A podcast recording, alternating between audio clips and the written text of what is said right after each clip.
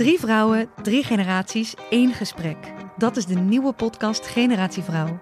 Samen met babyboomer Nora Beijer Wij vonden dat heel gewoon. en Roos Slikker uit Generatie X Jouw generatie doet dat. onderzoek ik, millennial Eva Breda, wat we van andere generaties kunnen leren. Iedere vrijdag een nieuwe aflevering op Flair, Libelle of margriet.nl slash podcast. Alice in Wonderland, aflevering 1. Door Halina Rijn. Alice in Wonderland is een podcast van Internationaal Theater Amsterdam, Het Parool en Stepping Stone Producties. Vertaling Nicolaas Matsier. Uitgeverij Meulenhof Boekerij. Alice begon er schoon genoeg van te krijgen om al maar naast haar zus te zitten op de oever en niets te doen te hebben.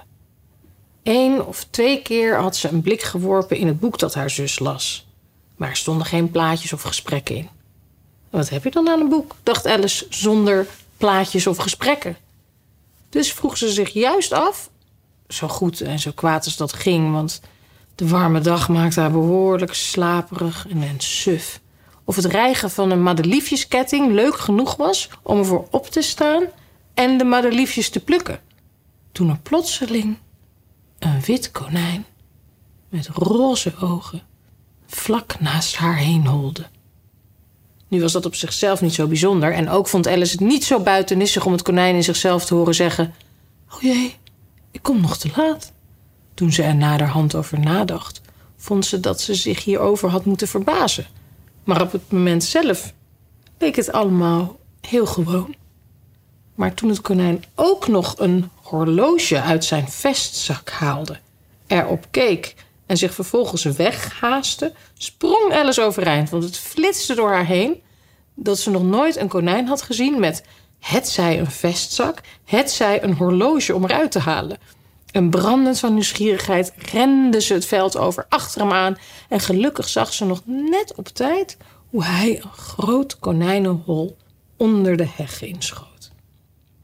Even later ging Alice erachteraan, zonder ook maar een ogenblik zich af te vragen hoe ze er in vredesnaam weer uit zou kunnen komen. Het konijnenhol liep een poosje rechtdoor, als een tunnel, en dook toen plotseling omlaag. Zo plotseling dat Alice niet eens tijd had om zelfs maar aan stilstaan te denken, voordat ze daadwerkelijk viel door een hele diepe schacht. Of de schacht was heel diep, of ze viel heel langzaam, want tijdens de afdaling had ze volop gelegenheid om om zich heen te kijken en zich af te vragen wat er nu ging gebeuren. Eerst probeerde ze naar beneden te kijken en erachter te komen waar ze heen ging. Maar het was zo donker dat ze niets kon zien. En toen keek ze naar de wanden van de schacht en ontdekte dat ze afgeladen waren met servieskasten en boekenplanken. Hier en daar zag ze landkaarten en platen hangend aan haken. In het voorbijgaan pakte ze een pot van een van de planken. Op het etiket stond sinaasappelmarmelade, maar tot haar grote teleurstelling was hij leeg. Uit vrees iemand te doden liet ze de pot maar liever niet vallen en ze slaagde erin hem in een van de servieskasten te zetten terwijl ze er langs viel. Nou, dacht Alice bij zichzelf, na zo'n val als deze stelt van de trapvallen niets meer voor. Wat zullen ze me thuis allemaal dapper vinden? Zelfs al viel ik van het dak, dan nog hield ik mijn mond. Wat waarschijnlijk waar was.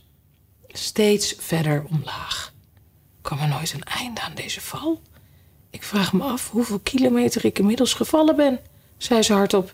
Ik zit vast al bijna bij het middelpunt der aarde. Eens kijken. Dat zou 5000 kilometer diep zijn, geloof ik. Je moet namelijk weten dat Alice een heleboel van dit soort zaken had geleerd op school. En hoewel dit geen erg goede gelegenheid was om over haar kennis op te scheppen, omdat er niemand was die naar haar luisterde, een goede oefening was het wel. Ja, dat is ongeveer de juiste afstand. Maar nu begin ik me af te vragen op welke breedtegraad of lengtegraad ik zit. Alice had er geen flauw idee van wat een breedtegraad of lengtegraad was, maar indrukwekkende woorden vond ze het wel. Daar begon ze weer. Ik vraag me af of ik dwars door de aarde heen zal vallen. Wat zal dat gek zijn uit te komen bij de mensen die met hun hoofden omlaag lopen. De antipathieën, geloof ik. Ze was nu wel blij dat er echt niemand luisterde. want het klonk niet bepaald als het juiste woord. Maar ik zal ze moeten vragen hoe het land ook alweer heet.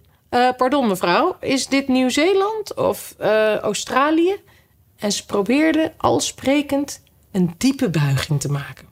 Stel je voor, een buiging maken terwijl je door de lucht valt. Denk je dat jou dat zou lukken? En wat een onwetend meisje zal ze me vinden. Nee, daar schiet ik niets mee op. Misschien is het wel ergens opgeschreven en kan ik het zo zien. Steeds verder omlaag. Ze had toch niets te doen, dus begon Alice al gauw weer te praten. Dina zou me vanavond vast heel erg missen. Dina was de kat. Ik hoop dat ze om haar schoteltje melk denken straks bij de thee. Dina, lieverd, was je maar hier bij mij, hier beneden. Er zijn geen muizen in de lucht, ben ik bang, maar misschien vang je een vleermuis. En dat is bijna net een muis hoor. Maar eten katten vleermuizen, vraag ik me af. En nu begon Alice nogal slaperig te worden en ze bleef tegen zichzelf zeggen op een dromerig soort manier: Eten katten vleermuizen, eten katten vleermuizen, eten katten vleermuizen. En af en toe eten vleermuizen katten. Want zie je, omdat ze geen van beide vragen kon beantwoorden, deed het er weinig toe wat ze nu zei. Ze voelde dat ze wegdoezelde. En ze was juist gaan dromen dat ze hand in hand liep met Dina en heel ernstig tegen haar zei: Nou, Dina, zeg eens eerlijk, heb je wel eens een vleermuis gegeten? Toen ze plotseling, boem, boem, neerkwam op een berg dorre bladeren en de val afgelopen was. Alice had geen schrammetje en met één sprong was ze weer overeind. Ze keek omhoog, maar daarboven was het pikken donker. Voor haar lag weer een lange gang waar ze het witte konijn nog juist kon zien wegrennen. Ze had geen moment te verliezen. Als de wind ging Alice er vandoor en ze was net op tijd om hem, terwijl hij de hoek omsloeg, nog te horen zeggen: Bij mijn oren en mijn snorrebaard. Wat is het al laat? Ze zat vlak achter hem toen ze de hoek omsloeg. Maar het konijn viel nergens meer te bekennen. De volgende aflevering wordt gelezen door Ramzi Nasser. Alice in Wonderland is een podcast van Internationaal Theater Amsterdam, Het Parool en Stepping Stone Producties. Vertaling Nicolaas Matsier, uitgeverij Meulenhof Boekerij.